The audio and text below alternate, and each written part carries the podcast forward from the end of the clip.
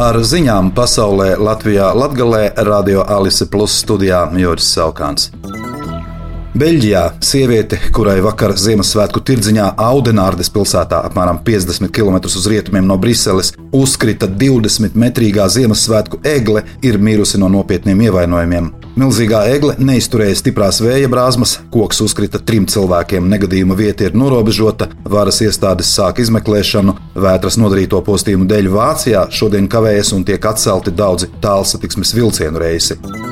Vakardienas apšaude Universitātes ēkā Prāgā šokēja visu Eiropu. Čehijas policija paziņoja, ka apšaudē nogalināti 14 un ievainoti 25 cilvēki. Šāvējs bija universitātes students, viņu likvidēja uz notikuma vietu atbraukušie policisti. Kārļa Universitātes filozofijas fakultāte tika evakuēta. Māsu apšaudes Čehijā nav parasta parādība, taču, diemžēl, pēdējos desmit gados valstī ir bijuši vēl pāris līdzīgi gadījumi.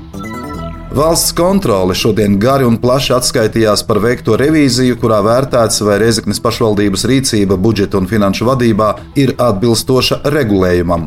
Secinājums - Reizeknas pašvaldības šā gada budžeta izstrādē ir pieļauti vairāki pārkāpumi. Valsts kontrolas negatīvā atzinuma galvenie iemesli - nepietiekams situācijas izvērtējums pašvaldībā, paļaušanās uz finansējuma pieejamību un budžeta vadības un grāmatvedības uzskaites procesa sadrumstalotība. Reizeknas kopbudžetu veido deviņu institūciju budžeti, ko atsevišķi sagatavo un iesniedz Reizeknas finanšu pārvaldē.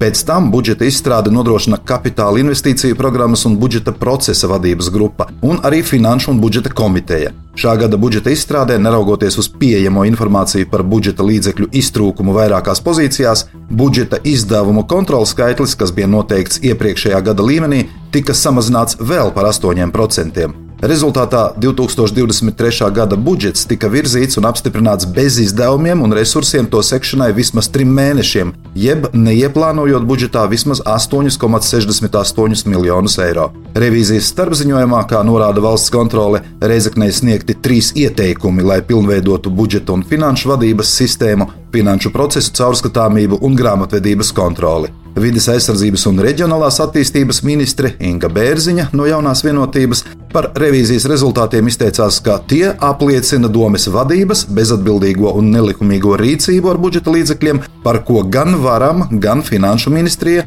esot norādījušas jau agrāk.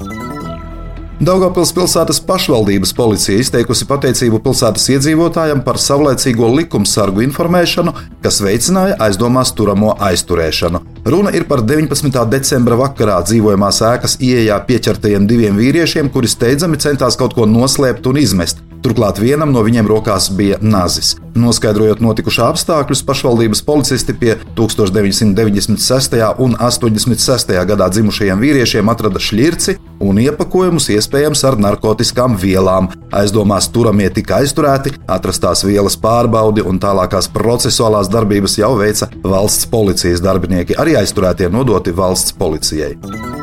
Lai gan pēdējo dienu laikā lietus un siltais gaiss sniega sēgu gandrīz visā Latvijas teritorijā ir izkausējuši, tuvākajās dienās daudz vietas sniks, un tas nozīmē, ka Ziemassvētki iespējams būs balti. Nedēļas nogalē Latvijā ieplūdīs vēsāks gaiss, satiksmes dalībniekiem jāatceras, ka nokrišņu laikā redzamība pasliktināsies un ceļi būs slideni.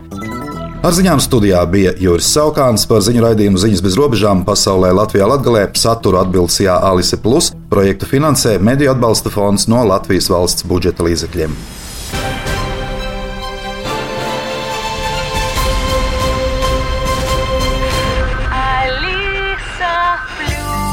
Radio